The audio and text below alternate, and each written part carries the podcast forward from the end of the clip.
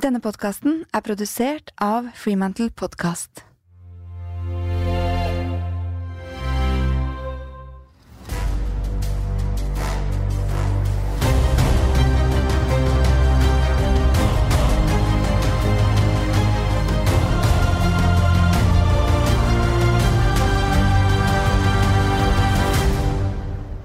Hei og velkommen til en ny episode av Grit. Og i dag så skal vi jo se nærmere på episoden med Fritz Aanes. Og jeg gleder meg til å analysere hva man kan gjøre konkret, faktisk, for å ta kontroll på enten det er prestasjonsangst eller om det er sterke nerver. Du skal også få konkrete råd for hvordan man kan unngå klikk eller subkulturer i et uh, team. Og vi skal også diskutere litt hvorvidt det er så viktig å være knallhard på sin egen leder- eller trenerfilosofi, eller man bør uh, kanskje individualisere mer. Og sammen med meg for å analysere dette har jeg mentaltrener Ann Helen Gamlesande. Anne-Len har hele fem års erfaring i Raw Performance AS, som er mitt selskap. Hun har jobbet med et bredt spekter av kunder, både innenfor næringslivet, idrett og kunst. Velkommen, Anne-Len. Tusen takk. Du kan jo presentere deg kort for eh, lytterne. Ja, jeg heter Ann-Helen. Bor i Sarpsborg. Min bakgrunn er innenfor psykologi. Jeg har bl.a. en bachelorgrad i anvendt psykologi har tatt flere ulike kurs og spesialiseringer innenfor eh, spesielt idrettspsykologi og arbeidspsykologi. Jobber her i Oslo som eh, mentaltrener og ledertrener, bl.a. i Vålerenga fotball, og har jobba nå som mentaltrener i fem år. Har eh, mye kurs, sertifiseringer i mentaltrening, og jobber veldig mye med én-til-én-samtaler i mentaltrening. Både idrett, næringsliv og privatpersoner. Jeg vet at du har lyttet til eh, Fritz-episoden. Og hva er det du dro ut av det?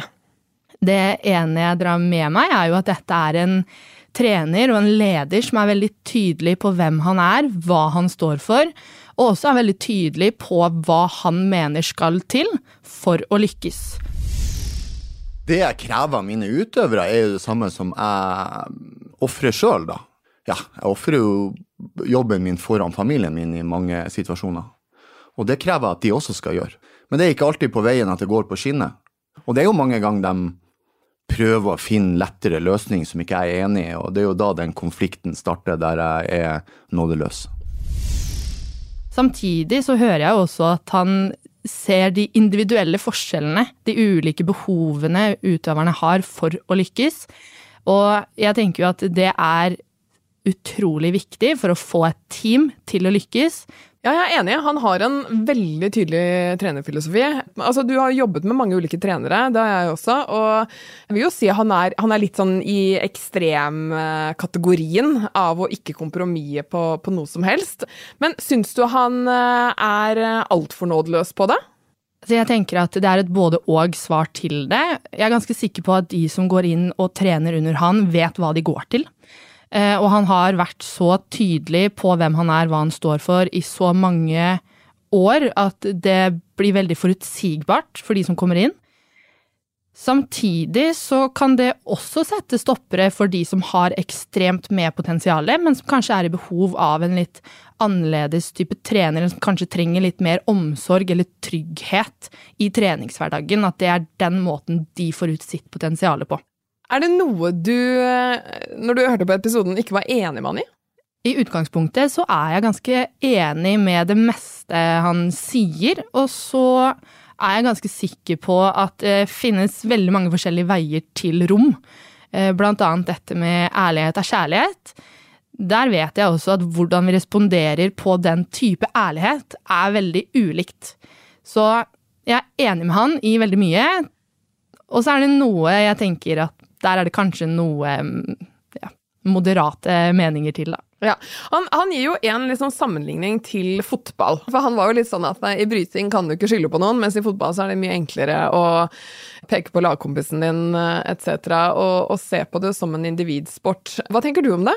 Det er klart at i, i fotballen så krever det at man klarer å samarbeide, klarer å spille på lag. Men et lag er sjeldent bedre enn det svakeste ledd. Så det betyr jo at det er klart det er enklere å peke på andre fordi man er flere på banen, men det betyr likevel ikke at man da kan senke skuldrene eller, eller belage seg på at jeg har en litt dårlig dag, så da kan de andre jobbe litt mer, fordi det vil påvirke hele dynamikken og hele lagprestasjonen. Så jeg er enig i at det kan være enklere, men det vil også påvirke hele lagprestasjonen, og det kan også være det som er avgjørende for om man vinner eller taper en kamp. Men det er én læring Fritz sier han sitter igjen med, og det er at eh, jeg skal aldri tillate team i team igjen. Og det er jo veldig fort gjort i et team også, som et stort fotballag eller uh, i et team i et selskap, uh, hvor det kan skapes klikker. Eller subkulturer, eller kall det nesten at man, man får veldig sånn silofølelser i, større selskap. Så, så det her kan man dra overføringsverdi til mange steder. Og da er spørsmålet mitt hvordan kan man som trener og leder unngå det? Det ene du kan gjøre, det er jo å sikre at alle har et felles mål.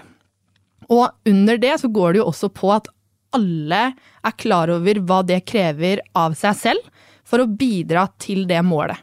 Rett og slett synliggjøre hver enkelt persons rolle for å nå dette felles målet. Fordi det er jo det som er med på å skape en god dynamikk, og at alle kjenner at de er like mye verdt, at de har like mye å si for om vi når dette målet, og det, det skaper et fellesskap. Og det andre handler jo om det å skape felles tilhørighet og det å kjenne hverandre innad i teamet. Det er klart at vi er jo alle individer med ulike personligheter, ulike interesser, som også da gjør at vi kommer kanskje bedre overens med andre. Men man skal absolutt ikke undervurdere det å bruke tid på å skape tillit i en gruppe hvor man tåler at det går en kule varmt, at man klarer å være uenige, skille mellom det personlige og det profesjonelle. Og også da selvfølgelig få med den indre justisen innad i laget. At man da klarer å si fra til hverandre hvis noe ikke, ikke er greit eller ikke er som det skal.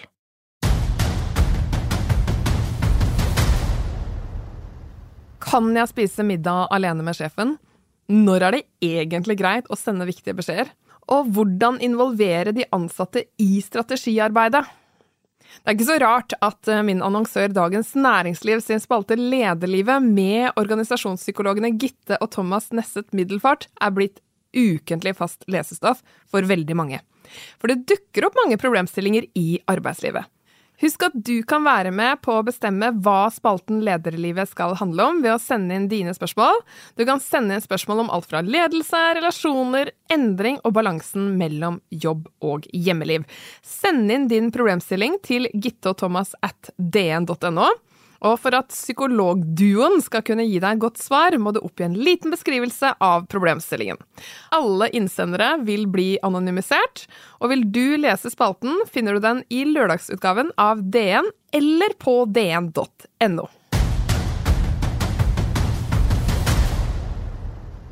Men du, det er jo ikke til å stikke under en stol på at eh, selv om man f.eks.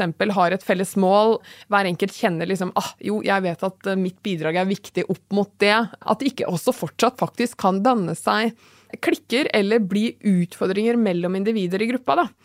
Og hva tenker du rundt det? Hvordan kan man unngå, da, eller raskt rydde opp i det? Jeg tenker jo at eh, kommunikasjon er en viktig del for å unngå disse altså misforståelsene da, som kan være med på å skape om det er dårlig stemning eller, eller uenighet. Det å være tydelig i egen kommunikasjon, og også det å tørre å være ærlig på hva du tenker, hva du føler, hvis du opplever at du blir eh, misforstått. Eller hvis du skjønner at dette kan kanskje føre til en konflikt, eller dette kan føre til noe negativt. Så det å ikke være redd for å bare skyve det unna fordi man tenker at nei, men da blir jeg kanskje litt vanskelig. Ikke sant? Så heller det å tørre, da, å si fra og være tydelig i, i kommunikasjonen sin. Ja, og det er enklere hvis man har blitt enige om det, og man kanskje har disse felles spillereglene, eller det fagspråket kaller liksom en psykologisk kontrakt. Mm. Og så helt til slutt så er det jo også noe jeg beit meg merke i samtalen med Fritz Annelen, og det er jo at han var veldig opptatt av å liksom vise at han hadde kontroll, slik at ikke nervøsitet eh, og negativt stress skulle smitte. Min viktigste arbeidsoppgave som leder er jo egentlig å vise utøverne mine at jeg har kontroll. Selv i situasjoner jeg ikke har kontroll. Hvis de ser at jeg er stressa, så blir de òg stressa. For da har han ikke kontroll, har han ikke kontroll på situasjonen. Så hvis de skal stole 100% på meg, så må jeg hele tida vise for dem at jeg har full kontroll, og de kan stole på meg. Så jeg må liksom beherske det, og klarer jeg ikke beherske det, som jeg nevnte tidligere, noen ganger blir jeg også nervøs. Og da velger jeg bare å ikke vise det. Og jeg, jeg, tenkte jo to ting i det. Det ene er jo for så vidt bra, at han kjenner uh, utøveren sin såpass godt at han vet at når han er rolig, så, så smitter det over, og, og, helt klart det.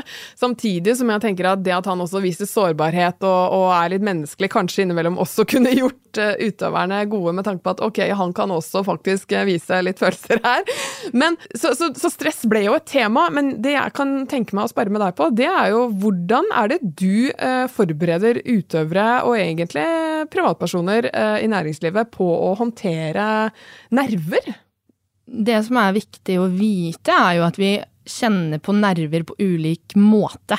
Eh, for noen så handler det om at det kan tette seg ganske fysisk i kroppen, hvor vi kjenner at vi kanskje mister litt kontakt med muskulaturen vår, at vi får veldig vondt i magen, litt sånn typisk eh, spagettibein, de tingene der.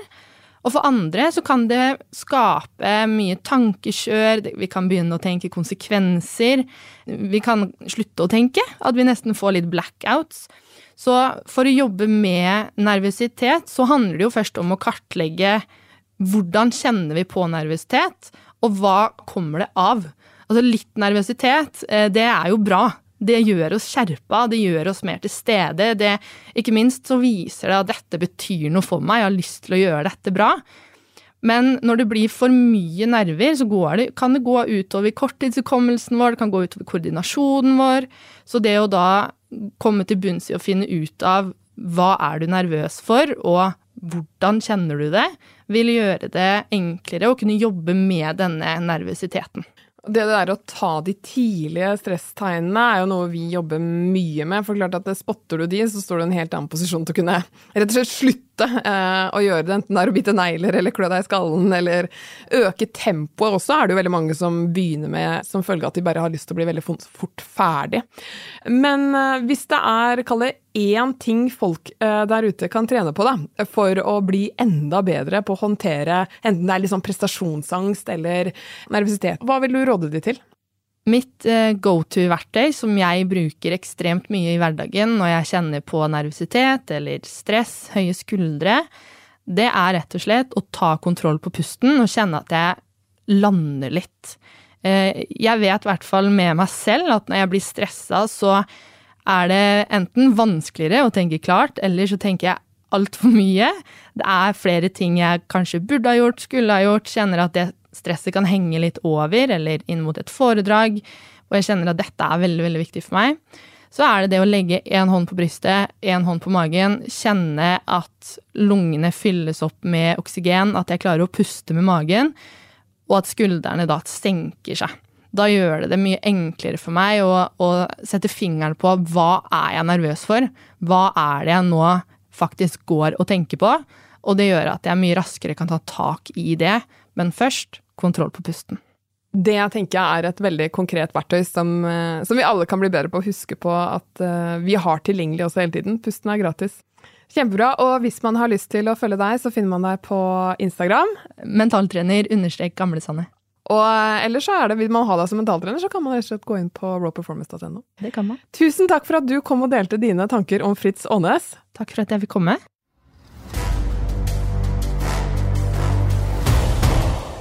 Det var litt sånn analysene av Fritz Aanes, og jeg er også veldig spent på å høre hva du satt igjen med. Så feel free, send oss gjerne innspill på hva du syns var gøy. Kommenter og gi oss også rating på iTunes og Apple. Så ses vi neste uke for en ny og spennende episode med Gro Hammerseng Edin.